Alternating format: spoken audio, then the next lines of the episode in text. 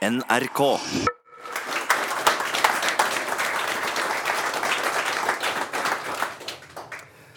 Ja, velkommen til eh, veteranskipet Sandnes, eh, som akkurat nå ligger i, eh, til kai i Arendal i forbindelse med Arendalsuka.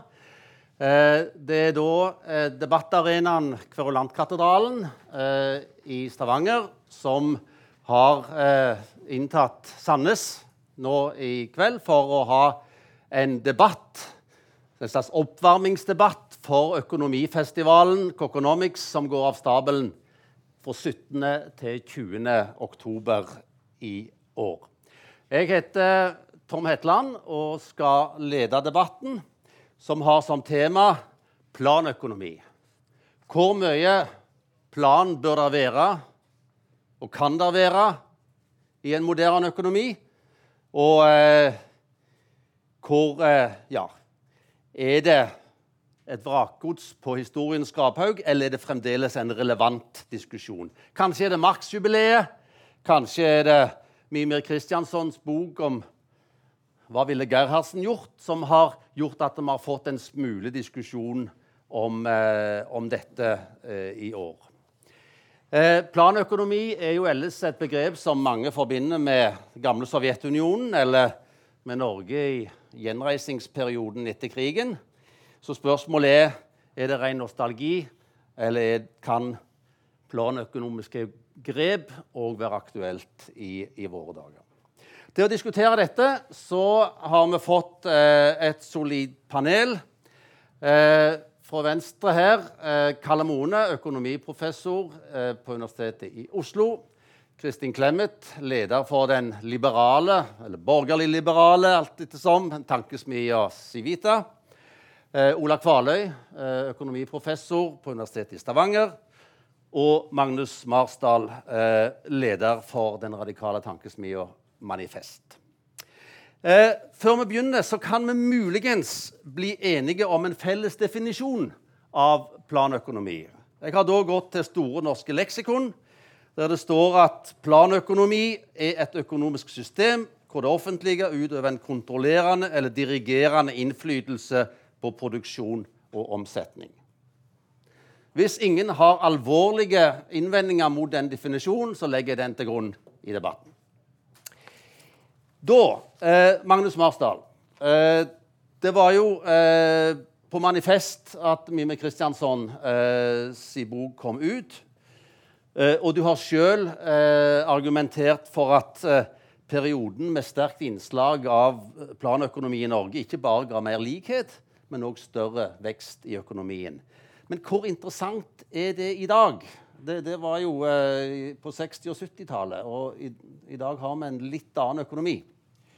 Jeg tror Hvis du ser på vår tids store utfordringer, så er det klart at samfunnet bør ta mer demokratisk styring over eh, bank og finans, fordi det handler om økonomiens eh, infrastruktur.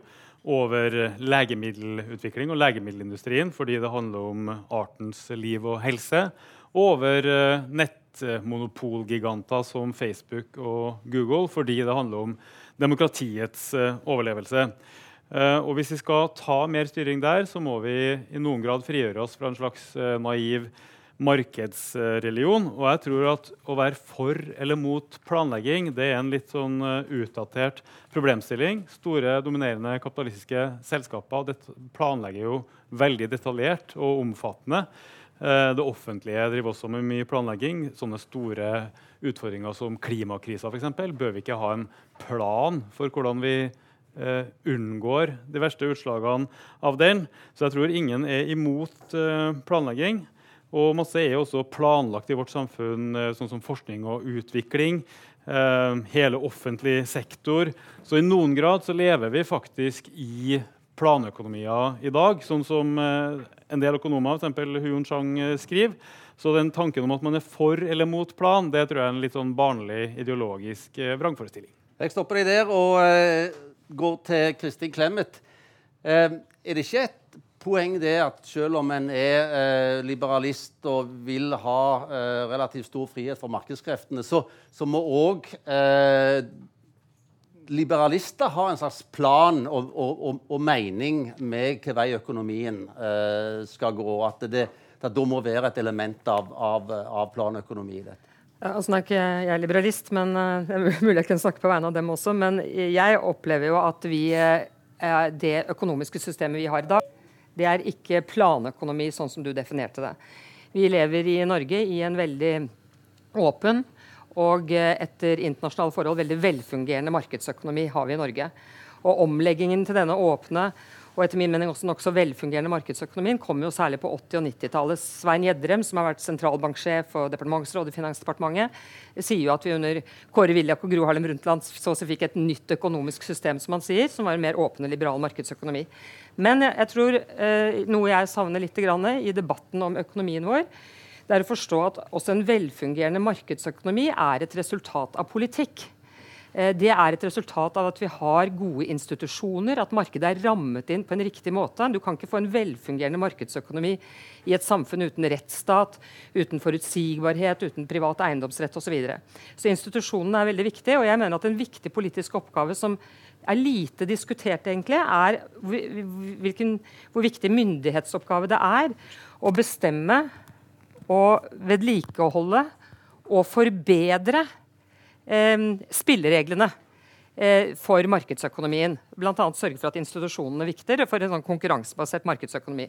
Dette betyr jo ikke at ikke det offentlige har veldig viktige oppgaver. Og det offentlige bør jo komme inn der hvor markedet ikke kan levere, for å si det sånn. Der hvor konkurransen ikke virker, eller der vi er veldig opptatt av, eh, med god grunn, f.eks. innenfor helse og utdanning, at borgerne skal ha lik tilgang til tjenestene. Og så må det offentlige komme inn, og da kan det offentlige komme inn på ulike måter. Den mildeste formen er jo å regulere, mens den, eh, mens den mest omfattende formen vil være et offentlig monopol som både eier og driver og leverer alt. Og så er det masse imellom der. Mm. Og det gjør vi jo selvfølgelig i, i Norge, enten det gjelder forskning eller forsvar, eller det er utdannings- og helsetjenester. Mm.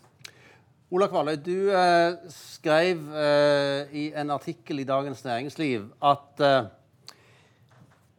i dag så ville Gerhardsen eh, ha heia på de liberale reformene som eh, Willoch og, og, og, og Gro Harlem Brundtland gjennomførte på 80-tallet. Hvordan vet du det? Ja, Det, det, det vet jeg jo ikke. Men, men det Gerhardsen eh, gjorde, var jo å være Han var opptatt av samfunnsøkonomisk vitenskap. og og dro vel eh, fram sånn som så Erik eh, Brofoss og, og, disse som sine viktigste premissleverandører for politikken den gang. Og det er klart, Faget har utvikla seg, eh, og jeg tror jo at en som Gerhardsen, eh, som jeg har forstått var en, en kunnskaps, eh, kunnskapsbasert politikk, og i dag ville lytte til, til samfunnsøkonomer. Og Da har det jo skjedd, skjedd en del endringer i hvordan en ser på på planlegging. Det er klart, det er så, som det sies her, det er klart vi har planlegging. Det er jo masse områder i økonomien som krever en offentlig uh, regulering og av og til direkte eierskap. Uh, men uh, en del av den planleggingsøkonomien som var den gang, gikk over på direkte produksjon av en del varer og tjenester som private like godt kan gjøre. og der, der, er det nå en ganske vil jeg si, relativt bred enighet blant økonomer at der kan en slippe private til. og så syns jeg òg et interessant poeng å få fram at en del av det som skjedde på 70- 80-tallet innenfor økonomifaget, det var en teoriutvikling som gikk på å forstå problemene knytta til ikke markedene, men problemene knytta til organisasjoner. Hva som er, uh, hva som er utfordringer innenfor styrt økonomi som du har innenfor organisasjoner. Og En planøkonomi er på en måte en, en, en gigantisk organisasjon med en styrt økonomi.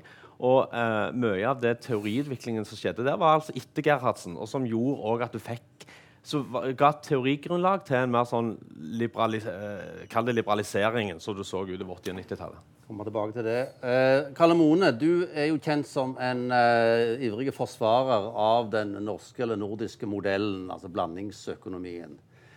Hva mener du er den ideelle miksen av, av marked og, og, og, og plan? For det første så er ikke det, den nordiske eller norske modellen laget på et tegnebrett. Den er laget i, som en evolusjonær prosess der det var sterke organisasjoner og, og gode politikere og markedsaktører som uh, til sammen skapte dette. Den kom nærmest som en reaksjon på krisa i 1929. Det vil si et viktig trekk ved, ved modellen ble skapt på, på 30-tallet. Og det var en reaksjon, så å si, eh, på globaliseringen. Og en globaliseringen på den tiden det kom gjennom verdenskrisen. Det var akkurat de samme kreftene som gjør seg gjeldende i en sånn krise, som den globale konkurransen i dag. Og Reaksjonen på dette det var at du fikk mye mer koordinering i uh, inntektsdannelsen. Fikk mye mer klare spilleregler på lønnsdannelsen. Og ikke minst arbeidsgiverne koordinerte også seg imellom til å få en mer eksportledet utvikling. Og det som er viktig, jeg tror er at, at det er en komplementaritet, altså en understøtter hverandre.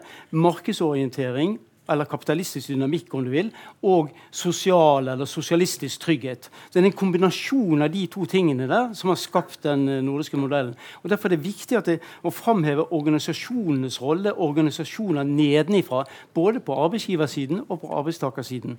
I kvasidemokratiske organisasjoner med, som er valgte ledere med innflytelse over viktige sider av spørsmålet. Det har vært mye viktigere enn de planøkonomiske elementene. Disse tingene ble fanget opp i et samarbeid med myndighetene myndighetene, men det var et samarbeid der det var basisen var det jeg sier, eh, komplementariteten mellom kapitalistisk dynamikk og sosialistisk trygghet. Men, men, dette har jo gått i bølger. Altså, I noen perioder så har, uh, har, det vært sterkt innslag av plan, og i andre perioder uh, har det vært markedet som, som, på en måte har vært løfta fram.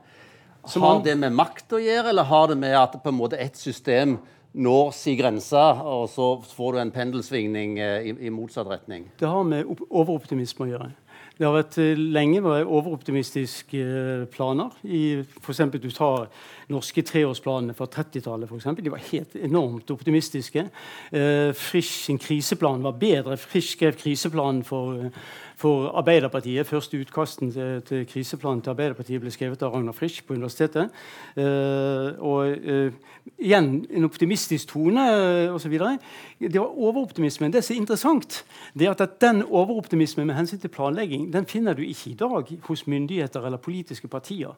Du finner den i næringslivet. Altså, sant? Vi har nevnt Sovjetunionen. Hva, hva er det nærmeste vi kommer Sovjetunionen i dag? Ja, Det er selvfølgelig store internasjonale selskaper både i Norge og andre steder som ikke har ikke har det samme form for deltakerdemokrati, som ikke har det samme involveringen nedenfra, med mindre de er godt organiserte arbeidstakere.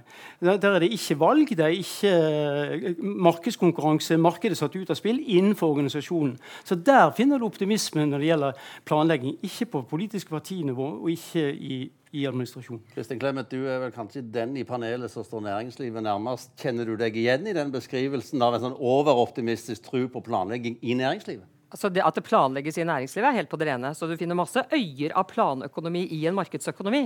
Eh, men jeg hadde bare lyst til å melde meg på litt i, det, i, i debatten om, om, den nordiske modellen. Vi har vært og diskutert den mange ganger før, men jeg liker å tenke litt på eh, å beskrive historien til den nordiske modellen på følgende måte at opprinnelig så hadde jo vi eh, veldig høye tillitsnivåer i våre samfunn. At vi har veldig høy tillit til mennesker vi ikke kjenner, og høy tillit til institusjonene. Fikk veldig tidlig en rettsstat. Dette la grunnlaget for at vi kunne inngå tre veldig velfungerende kontrakter. Og Den ene kontrakten er på en måte markedsøkonomien. Jeg kaller det ikke blandingsøkonomi, for da kan man si at alle land, moderne land har en form for blandingsøkonomi. Og vi skårer som sagt veldig høyt når man skårer gode og velfungerende markedsøkonomier. For en markedsøkonomi er jo bare en haug med kontrakter etter hverandre. Og jo mer tillit det er, jo bedre institusjonene er, jo bedre rettsstaten er, jo mer, bedre fungerer markedsøkonomien. Og den andre store kontrakten var jo velferdsstaten. Det at vi tør å betale skatt i tillegg til at vi får noe tilbake. Tenk på at vi har overlatt 8000 milliarder kroner til staten og ikke ligger våkne om natten. i hvert fall ikke av den grunn, For vi har tillit til at vi får noe tilbake. Og Den tredje kontrakten kan sies å være trepartsmodellen, da, eller inngåelse av hovedavtalen i mellomkrigstiden. ikke sant? At partene kunne bli enige om hvordan de skulle oppføre seg på arbeidsmarkedet. Og at de på en måte ble belønnet av myndighetene med innflytelse hvis de oppførte seg i henhold til det de ble enige om. Dette er også en kontrakt som er inngått, og som veldig stor utstrekning er basert på tillit og at institusjonene virker. Og det at vi har kunnet få til det, har bl.a. sammenheng med at den høyresiden i Norge har aldri anfektet velferdsstaten. De har vært med å bygge den opp. Eh, den moderate venstresiden har aldri anfektet den moderne markedsøkonomien.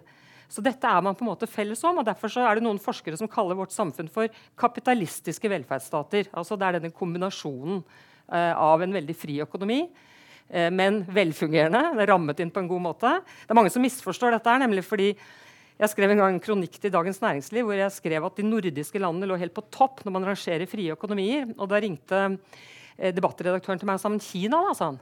Men Kina ligger jo langt nede, for de har jo ikke en kapitalisme i betydning en velordnet kapitalisme som er rammet inn av institusjoner og rettsstat. Så de scorer ikke høyt. Så det er en form for halvveis, altså en vulgærkapitalisme, ikke en ordentlig kapitalisme. Ok, Jeg tror vi skal gå inn i en konkret utfordring for, for det norske samfunnet i dag. Uh, så vi, vi, står overfor Vi kan diskutere hvor, uh, hvor lenge oljealderen vil vare, og hvor stor betydning den vil ha i norsk økonomi. Men de fleste er enige om at det trengs en omstilling. Det er snakk om det grønne skiftet og, og bli mindre oljeavhengig osv. Uh, hvis vi skal se dette i et marked versus plan-perspektiv eh, hvor eh, ender vi da? Altså, er dette en situasjon som kaller på større statlig eh, styring? Eller er det tvert om sånn at eh, en skal ha tiltro til at markedskreftene vil eh, langt på vei eh, klare å ordne dette, hvis, som Kristin Clemet sier, institusjonene er noenlunde eh, stabile og, og sunne? Magnus Marsdal. For Norges del så er det en helt konkret diskusjon som i stor grad er knytta opp mot det som foregår i regi av EU eh, e og fellesmarkedene eh, der. Fordi når vi snakker om styring nå, så er det jo i stor grad nasjonalstatlig styring på den ene sida, som Norge er bygd opp med, med konsesjonslover for bruken av vannkrafta og styring på petroleumsnæringa og fisken osv. Og, så og EUs markedsliberalistiske prosjekt på den andre sida, som vil i mye større grad integrere de ressursene i et felleseuropeisk marked, sånn at norsk kraft eksempel, Eh, kan bli et batteri for tysk industri osv. Og her er det jo alvorlige spørsmål for norsk industriutvikling, næringsutvikling osv. Fordi forutsetninga for verdiskaping, også high-tech i Norge, har jo vært at vi har brukt de ressursene industrielt. Altså de ti oljebudene fra rundt 1970 som sa at vi skulle ha en egen leverandørindustri som nå kan være veldig avansert og verdensledende og, og konkurrere på verdensmarkedet. Fordi vi har utnytta grunnrenta fra, fra petroleumsnæringa til også andre form for sysselsettingsskapende virksomheter, og ikke bli en råvareleverandør, mer som et u-land og den ressursforbannelsen som man kan oppleve der. Og akkurat det samme med krafta, åpenbart. At vi har enorme eksportverdier knytta til ganske høyteknologiske virksomheter som lever av dels billig vannkraft og dels høykompetente ansatte og arbeidere, og selvsagt også billige ingeniører pga. den sammenpressa lønnsstrukturen.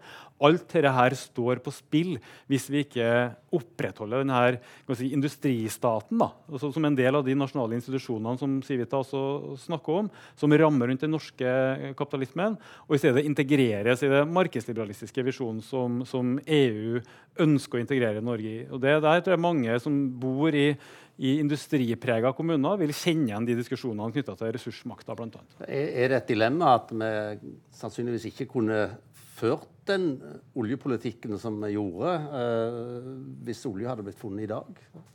Ja, det er litt uh, uklart. Jeg, jeg, tror vi kunne. Men uh, jeg vet at det er andre som har andre meninger om dette. og Det er litt hypotetisk. Vi vet ikke helt hva som ville skjedd. Men jeg syns oljepolitikk er et veldig godt, godt eksempel. For det, vi snakker om liksom plan versus marked, men det er jo innholdet i planen og innholdet i marked. Liksom ikke, de to tingene gir seg ikke sjøl. Det, det, er markedsøkonomi i USA, men det er helt forskjellig fra Sverige. Eh, resultatene er helt forskjellige fra Sverige. Det er liksom ikke én ting. Og planøkonomi Det var plan, det var plan under, under, i Nazi-Tyskland, men det er, ikke, det er, ikke, det vi snakker om. så Derfor er det innholdet i saken som gjelder. Det sosiale innholdet. Oljepolitikk er et godt eksempel. Det var konsensus om veldig mye av oljeutbygging i Norge. Men det var strid i begynnelsen. Og Hvis den striden hadde kommet ut på en annen måte, f.eks. et av regjeringspartiene i dag, eh, som den gang het Anders Langes parti, sa dette la Nordsjøens skatter betale folkets skatter. Eh, og det var, Hvis de hadde gjort det, hva hadde skjedd da? Du hadde gitt hele gevinsten eh, til, av oljesektoren i, i Nordsjøen til eh, folk som eh, tjente høyest. For de ville få de største skattelettene. Og Istedenfor det som skjedde, det var det konsensus om å bruke dette for, for, det første på en forsiktig måte og til å ekspandere velferdsstaten. På den måten fikk en mye mer likhetsbasert utvikling. Ganske planlagt. Et annet ting var at Betingelsene på oljeutvinningen at en skulle ha kontrakter til norske eh, entreprenører og en opplæring i det. Mange var skeptiske til dette i, i begynnelsen. Fungerte veldig godt. I begynnelsen så var Norge kunne Norge ingenting med oljeutvinning. I dag er de verdensspesialister. Så de opplæringene så er de tingene det var delvis plan, det var basert på konsensus, og det var veldig gode resultater. Ett eksempel, et eksempel til. Det var også snakk mange økonomer på den tiden. De ville jo selge oljefeltene i Nordsjøen på rot. Det var det markedsprinsippet. Dette, dette, er det beste markedsprinsippet. så De selger på rot, for da får du den som har størst betalingsvillighet til å betale for oljefeltene. Slik får det norske folket mest igjen for de ressursene som måtte finnes der nede. Hadde vi gjort det, vi hadde tapt vi hadde tapt 95% av oljegevinsten i dag. hadde vi gjort det. For ingen kunne forutse de ressursene som lå der. Ingen kunne forutse den verdien som oljen ville hatt. Her var det konsensus fra høyre til venstre, bortsett fra Anders Langes parti, eh, til å gjøre det på en annen måte. Det var god planlegging. Og det var kontrollert av sosiale organisasjoner som passet på at dette ble holdt. Regjeringene skiftet, oljepolitikken ble holdt fast. NRK P2 sender aktuelle debatter fra ulike scener i landet. Du hører Debatt i P2. Men Ser dere at det er element i den politikken som kan være aktuell i dag? Christi Clemet? Ville du kommentere ja, dette Ola, først? Ola, ja, ja, jeg bare ja. si at, eh, at, det er klart det, med energi og fossene våre og olja Dette er jo eh, Her er det grunnrenter, og fossene og, og, og sånt det har med grunnleggende infrastruktur å gjøre. og det er helt på en måte gjengs oppfatning også blant økonomer at dette må at du må skatte grunnrenta, og det krever en annen form for regulering når det gjelder sånn så, uh, uh, energisektoren, enn enn det jeg oppfatter som å ta tilbake litt av den Gerhardsens planøkonomitenkningen som han Mimir Kristiansen uh, tar til orde for. Du spurte Spørsmålet ditt var innledningsvis i forhold til hva skal vi nå satse på etter olja. Er det sånn at uh, gå, at myndighetene skal velge ut uh, vinnerbransjer og osv. Uh, og, der er, å, å, gå direkte inn med eierskap. Og det er jeg skeptisk til. Der, der tror jeg at, uh, at private uh, finner, finner de lønnsomme prosjektene vel så godt som, som myndighetene. Ja, det, ja, det, det er jeg helt enig i. Altså, jeg tror ikke Eh, jeg tror ikke våre politikere altså Jeg, jeg syns de er veldig flinke, men jeg tror ikke de er bedre til å plukke fremtidens vinnere enn eh, markedet selv er og næringslivet selv er. Så når det gjelder å få til den omstillingen, så har jeg faktisk veldig stor tro på at den, den kommer til å få til. Der tror jeg det er andre problemer, faktisk, omstillingsproblemer. Altså Hvis det går for fort, så kan det bli et problem. fordi at uh, man skal huske på at petroleumsnæringen er uh, jeg sa seks-syv ganger så mye med verdiskaping i forhold til andre næringer. Jeg sa det til Karl Erik Skjøtt Pedersen i dag. Så sa han at det var ti ganger så mye verdiskaping per sysselsatt. Men den er i hvert fall veldig veldig, veldig lønnsom i forhold til andre næringer. Så det at den nye oljen skal være reiselivet, eller sånn, det er, det er litt naivt å tro. Og det andre er at er det noen som virkelig må gjennom en omstilling hvis vi skal bygge ned petroleumsnæringen, så er det jo politikken som har vent seg til en, eh, enorme mengder ekstrapenger fra denne næringen, som man skal venne seg av å bruke i like høyt tempo. Så det tror jeg er et større, større, omstillingsproblem. Men når du sier er det ikke noe plan her, da? Jo, la meg nevne noe. fordi innenfor forskningspolitikken så plukker man jo ut noen satsingsområder hvor det brukes ekstra mye ressurser. F.eks. så skal vi satse på hav, klima og energi osv at det også får en eller annen overrislingseffekt i forhold til hva man eh, satser på i næringslivet, eh, teknologiutvikling osv., som gjør at det også får en overrislingseffekt til de omstillingene som kommer til å skje i næringslivet. Det tror jeg på. Eh, til P2-lytterne som har kommet til, så er vi altså inne eh, på eh, veteranskipet Gamle Sandnes under Arendalsuka. Eh, der vi i regi av eh, Kverulandkatedralen i Stavanger diskuterer planøkonomi. Og eh, Magnus Marsdal kom eh, med en utfordring. Eh, dette handler òg om å ikke gi slipp på kontrollen over eh, noen veldig viktige ressurser eh, for norsk økonomi. Eh, dere tre andre, Kalle Mone, Kristin Clemet, Ola Kvaløy. Ser dere en, en, en fare at vi er inne i en, en ganske avgjørende periode akkurat på det området? På flere enn én måte, vil jeg si. Altså, det er så mange som tenker på at grunnrente er knyttet bare til eh, ressurser. Men det er jo en grunnrente f.eks. av tillit det er jo en avkastning av at folk holder fred med hverandre. At vi ikke hadde verdensrekorden i streiker og lockout som vi hadde i mellomkrigstiden, men at vi ikke har uh, streiker og lockout. At vi, har, at vi, stoler på hverandre. at vi kan gjøre Det kan du spare enormt med ressurser og store gevinster for. Og det er klart at Eiendomsretten til sånne ting er veldig viktig. Det kan ikke være privat eiendomsrett til gevinsten av tillit for gevinsten av at de holder fred med hverandre. Vi har delt de gevinstene på en ganske rimelig måte gjennom at du har stor innflytelse i fagbevegelsen i lønnsdansen ved du har en omfattende velferdsstat. Men hvis, hvis, ikke disse ordningene varer, så må vi se etter andre ordninger. For de kan ikke innrette oss slik at vi har troen på at alle gevinster som er skapt i en markedsøkonomi, skal tilfalle de som eier kapitalutstyret. Det er jo, det er jo ikke de som har skapt tilliten, i hvert fall ikke alene. De er en del av den, men ikke alene. Så hvis, vi får, hvis, hvis de vanlige ordningene for, for deling i økonomien svekkes, så må en forsøke å kompensere dette med institusjonelle endringer eller avlønningsordninger som, som tar inn over seg dette. Ja, ser, ser, du en fare for at tilliten nå eh, er i ferd med å bli avgjørende svekka i forhold til tidligere? Nei, ser jeg ikke, men jeg, ser dette at folk stiller spørsmålstegn med hvem som får gevinstene. Hvis ulikheten øker mye Nå har det vært beskjedne økninger i ulikheten i Norge, men hvis i framtiden det skjer det som har skjedd i andre OECD-land, tilnærmet grad som i andre OECD-land, så er det klart at det folk stille spørsmålstegn gjennom, stille spørsmålstegn ved lønnsmoderasjon, stille spørsmålstegn ved å være eh, så, sitte så stille i båten når gevinstene går systematisk til én gruppe. Det har ikke skjedd i full skala ennå, men dette er et område å være på vakt overfor. Ikke regler utenfra, men ting som vi skaper av problemer innad. Og Det er ikke planøkonomi. Det er å skape gode, stabile institusjonelle ordninger som innebærer at de som skaper tingene, også får en rimelig andel av den verdistigningen. Én fare vil jeg si, det er at, at Sett fra fagbevegelsens synsvinkel det kan du bare snakke med eldre fagforeningsfolk, de tenkte på kapitalistene som sparemaskiner. Alle samfunn må spare. på en eller annen måte. Dette er sparemaskinene våre. sier. Vi holder tilbake overskudd i bedriftene, så moderniserer de bedriftene, og så på sikt får vi lønnsøkning igjen og lønnsmoderasjon. For vi får nye, moderne metoder, og dette går bra. Men hvis store deler av gevinsten forbrukes til andre ting, til unødvendig luksusforbruk, utstilt forbruk eh, som skal vise seg for andre, så er det klart at da vil de stille spørsmålstegn er dette en hensiktsmessig måte for samfunnet å spare på. Eller må vi finne andre måter å gjøre det på? Det er ikke noe opplagt de måtene vi gjør det på i dag, og det krever måtehold hele veien. Uh, Kristin Clemet, du er, du er, vel en tilhenger av måtehold som god konservativ. Ser du en forvitring av den eh, på en måte måteholdsetikken uh, i næringslivet? Altså Hvis vi ikke går anekdotisk til verks, men ser litt stort på det, så er det ikke skjedd noe med tilliten i Norge til nå. Altså, men vi skal selvfølgelig være oppmerksom på det. Og det som mange sier truer tilliten, er jo former for ulikhet. Enten økonomisk ulikhet eller innvandring, som er mer kulturell ulikhet. og Av og til henger det jo sammen også. Men jeg syns det er blitt til nå truet mer med det enn det er eh, grunnlag for oss å si at det har hatt noen effekt. Men dette skal man være oppmerksom på. At en av suksessene i Norden er jo nettopp at gevinsten av verdiskapingen har blitt fordelt sånn noenlunde rettferdig.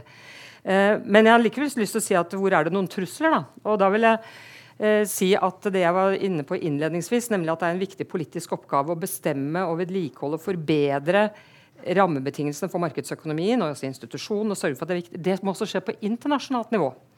Og Der står det en del tilbake å ønske. Nå ser vi at det er uh, trusler mot uh, hva skal jeg si, velordnet handel, eh, eller frihandel, eller hva man vil. Vi vet at det er eh, digitaliseringen og internettutviklingen skaper andre typer av verdikjeder. Vi ser eksempler på aggressiv skatteplanlegging, som er veldig uheldig. At man ikke betaler skatt der, der eh, virksomheten skjer, osv. Og, så og sånne ting kan undergrave selvfølgelig tilliten til systemene. Men her er vi jo i den situasjonen at dette kan jo ikke vi ordne opp i helt på egen hånd. Så det krever et internasjonalt samarbeid, og at de internasjonale institusjonene også fungerer. Og jeg kan bare si at jeg jeg er en varm tilhenger av EU-medlemskap. Det har med fred og demokrati å gjøre. Men det har jo også med det å gjøre at det er sånne oppgaver som skal løses. De får det ikke alltid til, men det er på en måte ingen annen måte å gjøre det på enn at landene setter seg sammen. Og EU forsøker jo, Når det gjelder dette med skatteplanlegging, så har de jo forsøkt også.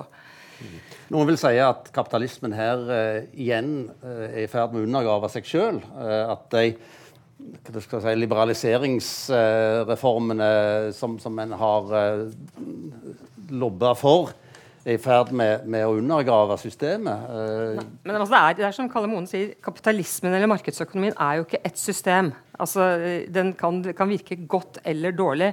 Bare tenk på det at, at uh, i Norge så er Hvis vi kutter ut all politikk, hele velferdsstaten, og bare baserte oss på den markedsøkonomien vi har, så er fordelingen bedre enn den er i USA etter at de har innført sin velferdsstat. Eh, så, sånn at eh, markedsøkonomien kan virke på gode og dårlige måter. Eh, så det er, ikke, det er, ikke, et system Jeg ser ikke noe tegn til at den er i ferd med å undergrave seg selv i, i vår del av verden, men jeg syns det er viktig, viktig, å gi beskjed om at også markedet må vedlikeholdes. Eh, og, som være med på, de, på de, den utviklingen som skjer, både nasjonalt og internasjonalt. Jeg må litt tilbake til, til, til planøkonomien. Magnus Marsdal, det som flere har vært inne på her, uh, er jo at det var en overoptimisme, en forsterket tro på hva staten faktisk kunne planlegge, og hva en kunne styre. Uh, og det er vel en lærdom som en må ta, ta med seg òg for dere som, som, nå slår til lyd for en, en sterkere statlig styring igjen. Det var mye å lære fra 1900-tallet. Først så lærte man jo at uh, illusjonen om at uh, uregulert markedskonkurranse og alt det der skulle skape harmoni, var en illusjon. Men så lærte man jo etterpå at uh, sentralstyrt statlig planlegging som middel for å øke alles velferd i lengden, det er også helt mislykka. For umulig å, å, beholde den dynamikken, den skaperkraften osv. i noe som skal styres fra ett senter.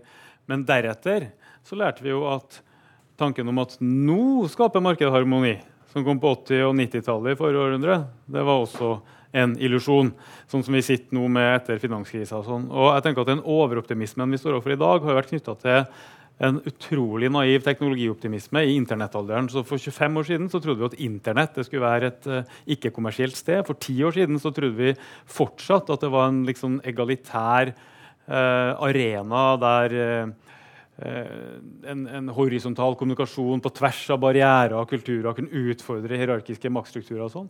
Mens nå, ti år senere, så sitter vi altså her med globale overvåkingsskandaler gjennom Internett. Vi har Donald Trump valgt etter en Facebook-skandale der 50 millioner amerikanere ulovlig og hemmelig ble kartlagt av Cambridge Analytica, som solgte data til Trump-kampanjen.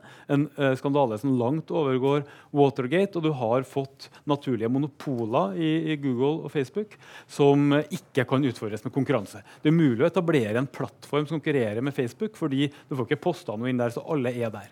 Og et naturlig monopol, sånn som mange økonomer, også f.eks. Eh, Simon på, på, på 30-tallet, som man intens tilhenger av, av markedsliberalismen på mange måter. Men han mente at sånne naturlige monopoler de må ut av profittsektoren. For de kommer ikke bare til å misbruke og, og plage kundene sine, men også annen business. Og Facebook og Google-monopolet tar nå livet av journalistikken i USA. Det er ingen kommersielt grunnlag for journalistikk lenger når du ikke har annonseinntekter. Og de støvsuges av de her monopolgigantene. Og de bruker makta si til å overvåke deg og meg dag og natt hvor enn vi går. Og Internett har i stor grad blitt det motsatte av det vi drømte om. Fordi det ikke er noe politikk her. Jeg, fordi man ikke tar styring over den grunnleggende infrastrukturen. På Facebook det er ikke som en bilfabrikk, det er som veien du kjører på. Og når var det greit at en privat eier bestemte hvem som kjører på den veien? Og hvis du skal kjøre der, så skal jeg samle inn all mulig informasjon om det. Så politikken er ikke i nærheten av å møte vår tids utfordringer på de områdene her, som er ganske alvorlige og tunge områder for demokratiets infrastruktur men, og for næringslivet. Men, men, du sier det, det, det, er mangel på politikk, men, men, sånn som jeg leser politikken i Norge, det er jo at politikerne kappes jo om å heie på digitaliseringa så godt de kan. Jo, du... eh, altså, når jeg hører på deg, så er, er det mer sånn at jeg, jeg, lurer på om det vi trenger, er en hær med djevelens advokater som, som, eh, som eh, advarer mot enhver trend. Nei, vi, må heie på, vi, skal, vi skal heie på teknikken og de fantastiske teknologiske framskrittene og mulighetene som ligger her, men samfunnet er nødt til å gjenlære at hvorvidt tekniske framskritt blir en frelse for de mange, eller bare øker makta til de få, det er alltid et politisk spørsmål. Og da må demokratiet vise handlekraft. Men de siste to tiårene så har konkurransen blant mainstream politikere vært å virke mest mulig apatisk. Ikke vise noe handling for markedet skal ordne opp. Det eneste stedet du skal vise handlekraft, er mot eh, innvandrere fra fremmedkulturelle land. Ellers så bør en politiker mene å gjøre minst mulig. Eh, Ola? Altså, jeg er jo enig. Uh, disse uh, selskapene og den makten som de representerer, er stort, en stor utfordring. Som uh, helt klart myndighetene spiller en rolle. og det, Her må det jo til internasjonalt samarbeid for å, for å på en måte kontrollere deres makt. Men jeg, jeg, vil jo si at dette området er jo òg etter er relativt stor enighet om at det må regulering til. og Vi har jo det, vi har en mediepolitikk i Norge. En er opptatt også av til og med ganske stor enighet om, om, et offentlig NRK. Nettopp for å fortsette å ha en, en, en, en offentlighet som, som, alle kan ta del i. At en ikke bare sitter med, med hver sin feed. Så igjen er dette også et område som jeg mener at ja, der er en rolle for uh, regulering. Så kan du spørre, Er det markedet som svikter her, eller er det egentlig et planøkonomisk svikt? Uh, og, og, Hvis vi ser litt sånn uh, teoretisk på det, kan si, jeg, jeg tenker også på finanskrisen ofte sier det viser jo at markedene overhodet ikke fungerer. Ja, det går an å si det. Men en kan også si at det som skjedde under finanskrisen, var problemer internt i en del i disse her finansinstitusjonene som hadde feilslåtte insentiver osv. Altså det var planøkonomien internt i disse uh, finansinstitusjonene og sånt, som, uh, som uh, slo seg vrang. og Dermed har det også kommet reguleringer på disse, på, på disse områdene for å forsøke å stabilisere dette. Karl Mone? Altså, jeg, jeg, tror at finans er veldig viktig å regulere. Og det, jeg skal legge merke til at Norge omtrent ikke hadde finanskrise. Så, mens andre land har hatt det. Men det som mange land glemte på 80-90-tallet. Det var det som var standardlærdom tidligere i økonomi som fag. hvis vi kan ta det utgangspunktet. At, at, at finanssektoren måtte det regulere. og det var litt uh, Hvor smidig det kunne gjøres, og hvor land det skulle gjøres. Men at det måtte reguleres, det var alle enige om på tvers av politiske oppfatninger om andre spørsmål. Men så er det akkurat som det forsvinner litt når det, når det har vært uten krise en stund. så er det akkurat som du glemmer de lærdommene fra sist krise. Og det tror jeg skjedde i, i, i noen land. Godt hjulpet av særinteresser, finansielle særinteresser innad i landet. Norge klarte seg veldig godt. Og med god grunn, for de liberaliserte ikke på, på, samme måte som de andre. Så igjen er det å ha gode ordninger, institusjoner, rammevilkår, om du vil, som er litt populær måte å si det på. Det er en form for regulering, og det er en form for plan i de reguleringene, i den forstand at de henger sammen. Men det er ikke en plan som erstatter beslutningen andre steder. Men det vil bare si en utfordring til. Altså, jeg tror at, at teknologisk endring som skjer i verden i dag, åpner for nye muligheter for eierskap enn det vi, vi har i dag.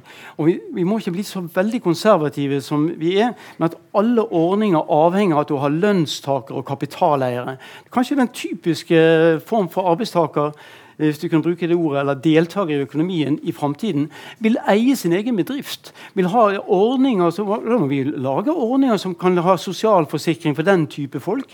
Som vil være en oppblomstring av markedsøkonomien, men en nedblomstring av det kapital kapitalistaspektet ved kapitalismen. Det vil være markeder uten kapitalister, uten den dominerende rollen som kapitalister har. Det betyr ikke at ikke vi skal ha innovasjon, men det betyr ikke at, at en skal eierskapet skal være organisert på den måten. For kapital er ikke i alle virksomheter og kommer ikke til å være det i framtiden den essensielle produksjonsfaktoren arbeidskraft kommer til å være i mye sterkere grad. og Da er det helt naturlig å finne ordninger det kan være flere ting jeg kan eksperimentere med her, som, som uh, har mer blandet eierskap, og også rent medarbeidereide foretak. Dette har vært en kjepphest fra min side eh, veldig lenge. Men jeg gjentar med glede igjen og igjen. Og jeg er helt sikker på at jeg har rett. Men det er ikke sikkert at jeg har rett i min tid. Men at, at det kommer, det, jeg tror det er åpenbart.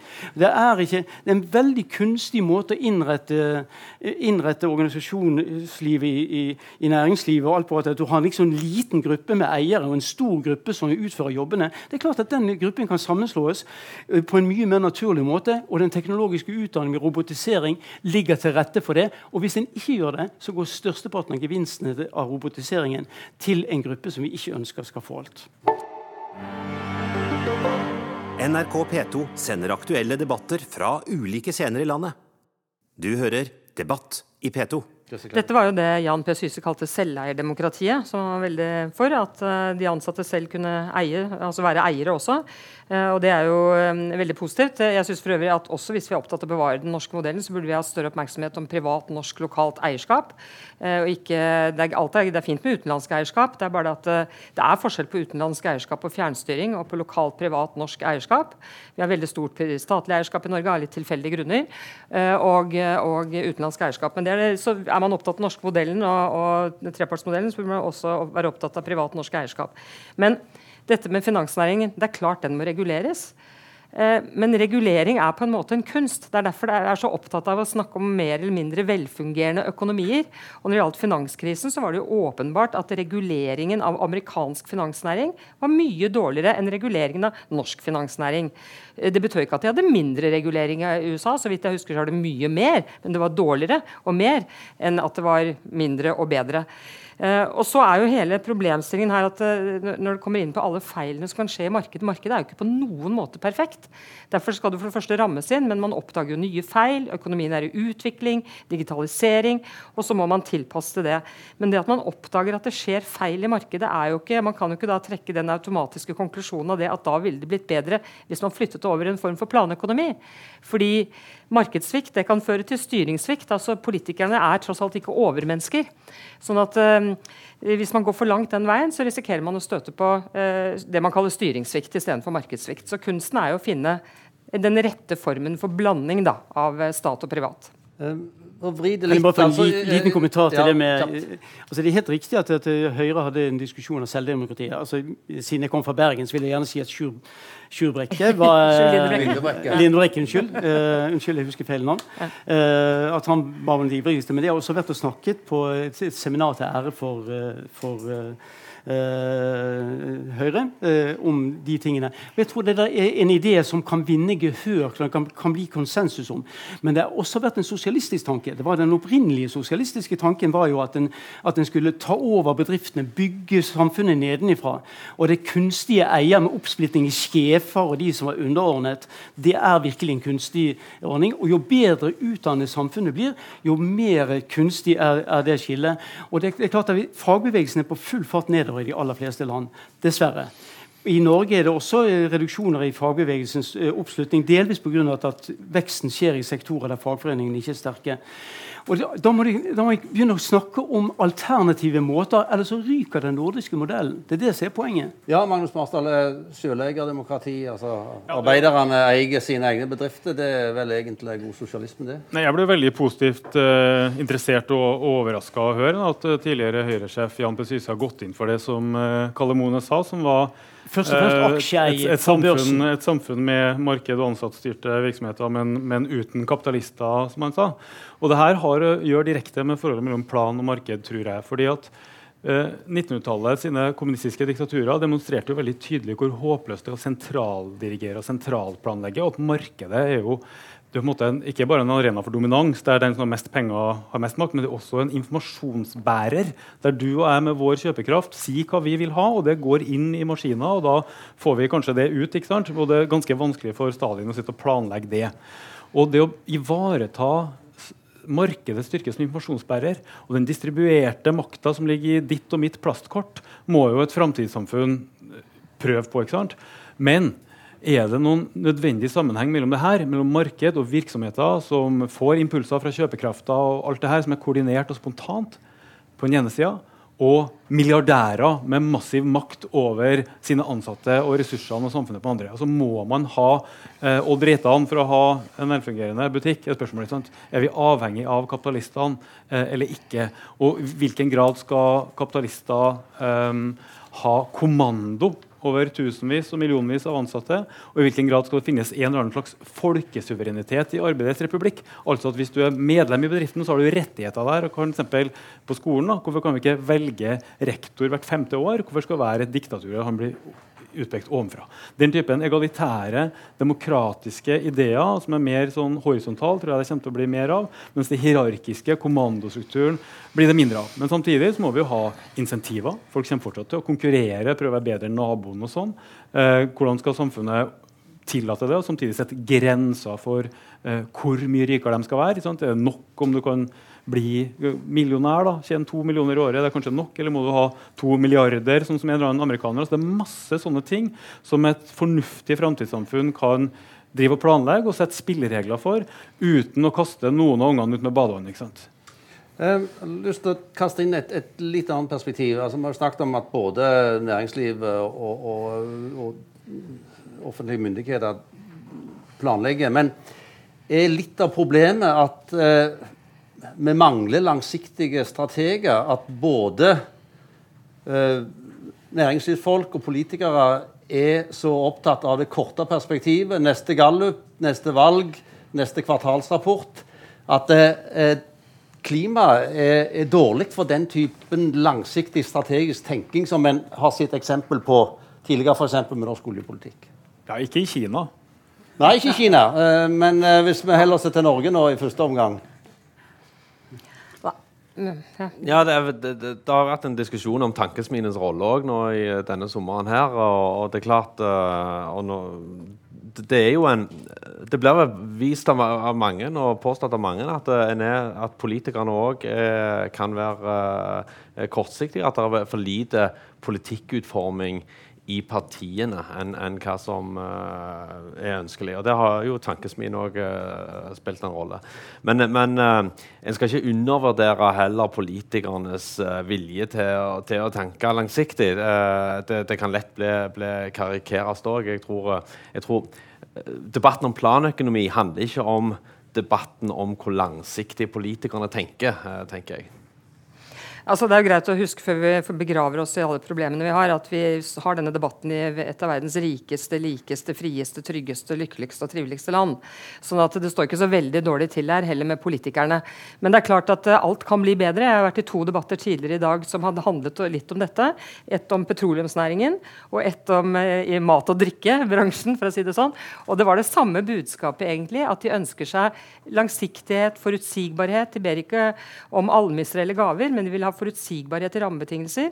Og spesielt når du da går til eh, petroleumsnæringen, så er jo det enorme investeringshorisonter. Så det å ta beslutninger nå hvis du ikke vet hva som skjer i morgen, er veldig vanskelig. Og det samme sier selvfølgelig de som har vært utsatt for den såkalte sukkeravgiften, som kom en, eh, en, en, en natt sånn helt overraskende.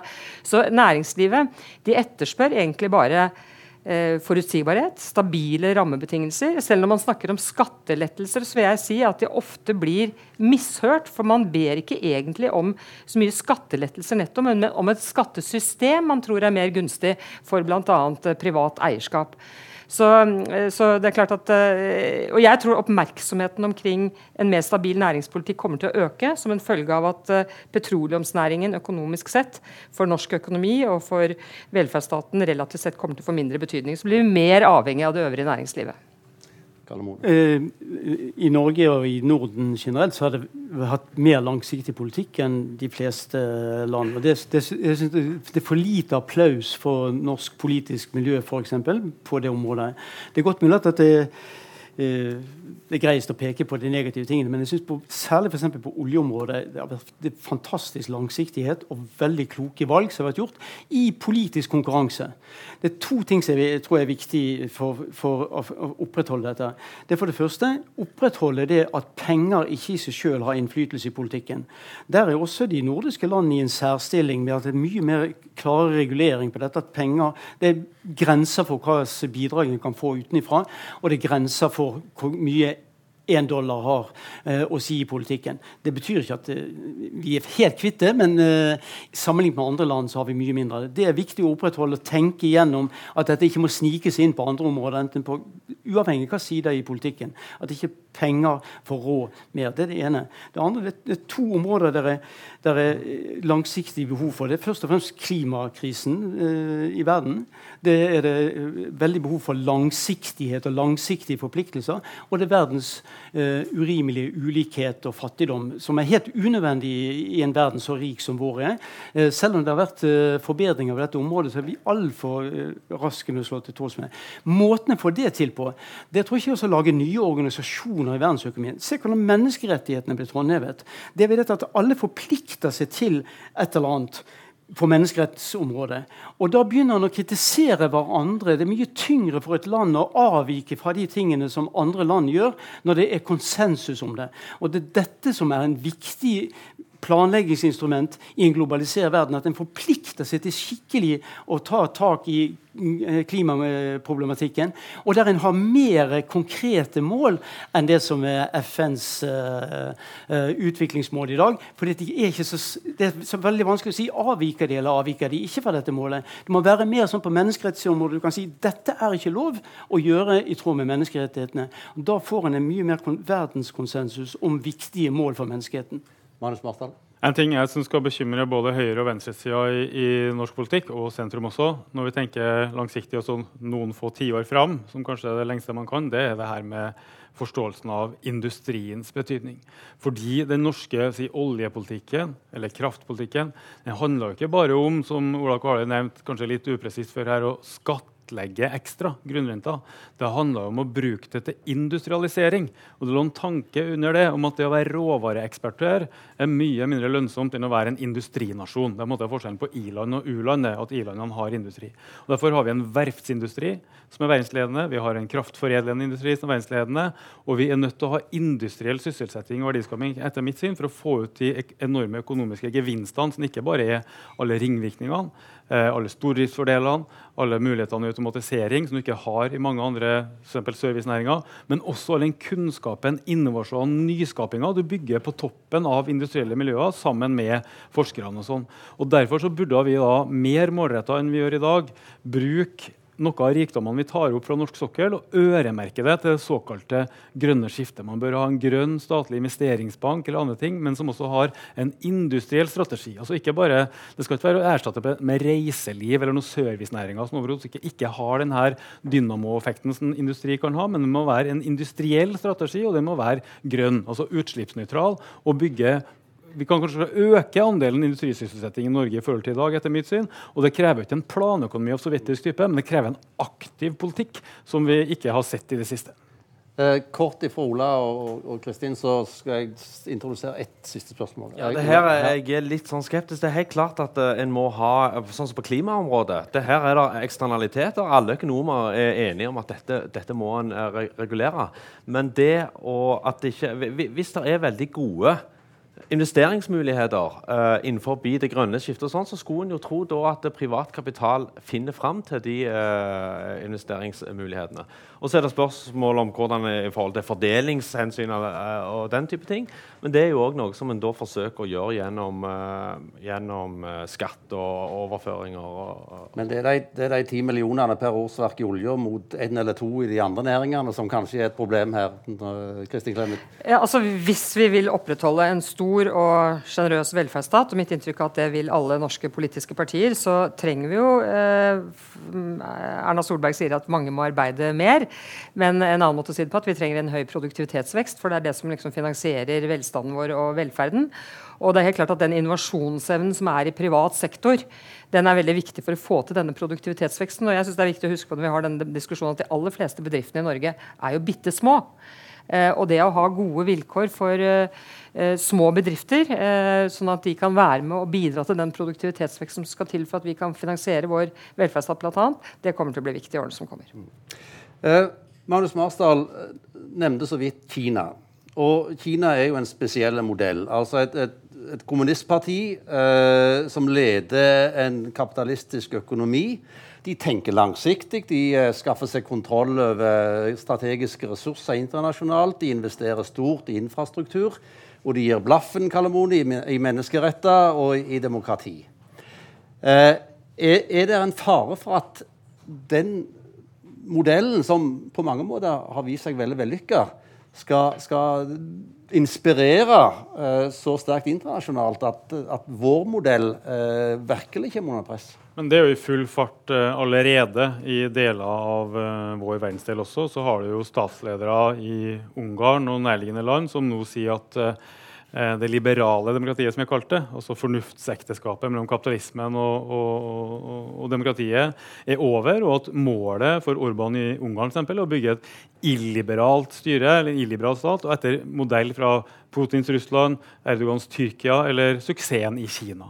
Så det, det, er en overhengende fare. der jeg tror demokratisk innstilte folk på høyresida må gå sammen med demokratisk innstilte folk på venstresida og forsvare de grunnleggende menneskerettighetene og frihetene som et demokrati skal bygge på, eh, og ikke eh, stille seg opp for eller mot kapitalismen, for her blir det mer for eller mot demokratiet, etter mitt syn. Kristin Clemet? Ja, vi, jeg vet ikke hvor mange spaltekilometer og mange bøker vi har skrevet om akkurat uh, disse farene om trusselen mot det liberale demokratiet i Civita. Det skal også være en svær debatt om dette her i morgen, om høyrepopulismen osv. Så, videre. så der ligger det farer. Men hvis du skal gå til Kina, da, så er det klart at det er eh, Du kaller det kapitalisme, jeg vil ikke kalle det det engang. Uh, fordi de lever ikke opp til de reglene som gjelder for en sunn kapitalisme. Men det er klart at, Og de får større rom i verden, kan man si, fordi Trump trekker USA tilbake så får eh, Kina større rom i verden, kanskje større enn de egentlig hadde planlagt. Og man ser jo, hvis man går til Afrika, så er det jo mange som altså Det er ikke nordiske modellen man sitter og kikker på i Afrika. Eh, man kikker like gjerne på det man ser som, ser som mer effektivt. Det kan være Singapore, det kan være Afrika. Eh, andre typer modeller. Eh, så det er klart at det kan komme til å vinne frem. Uh, og det er uh, veldig beklagelig, for det har jo ikke gått som i Kina, slik mange av oss trodde. Jeg om jeg trodde det selv, At det uavvendelig også ville bli demokrati. Men det har jo ikke skjedd til nå. Karl Moen, du får et halvt minutt. Ja, jeg vil bare advare mot å reservere navnet kapitalisme til de landene som går bra. Eh, kapitalisme er det i Kina i dag. og Det er et eksempel på en dårlig fungerende kapitalisme på alle menneskerettsområder, men ikke på de økonomiske områdene. Og Det er noe av problemet i Kina at populariteten til systemet er stort fordi at de leverer levestandsforbedringer for uh, vanlige folk. Men det er ikke uh, gode liv på de andre områdene som er vel så viktige. Ja, Vi starta med en definisjon, et forsøk på definisjon av planøkonomi. Og vi enda opp med å diskutere definisjon på kapitalisme. Den debatten klarer vi ikke føre videre nå, for nå er vår tid ute. Jeg takker eh, debattantene. Ønsker alle velkommen til Kokonomics 17.-20. oktober. Og vel hjem.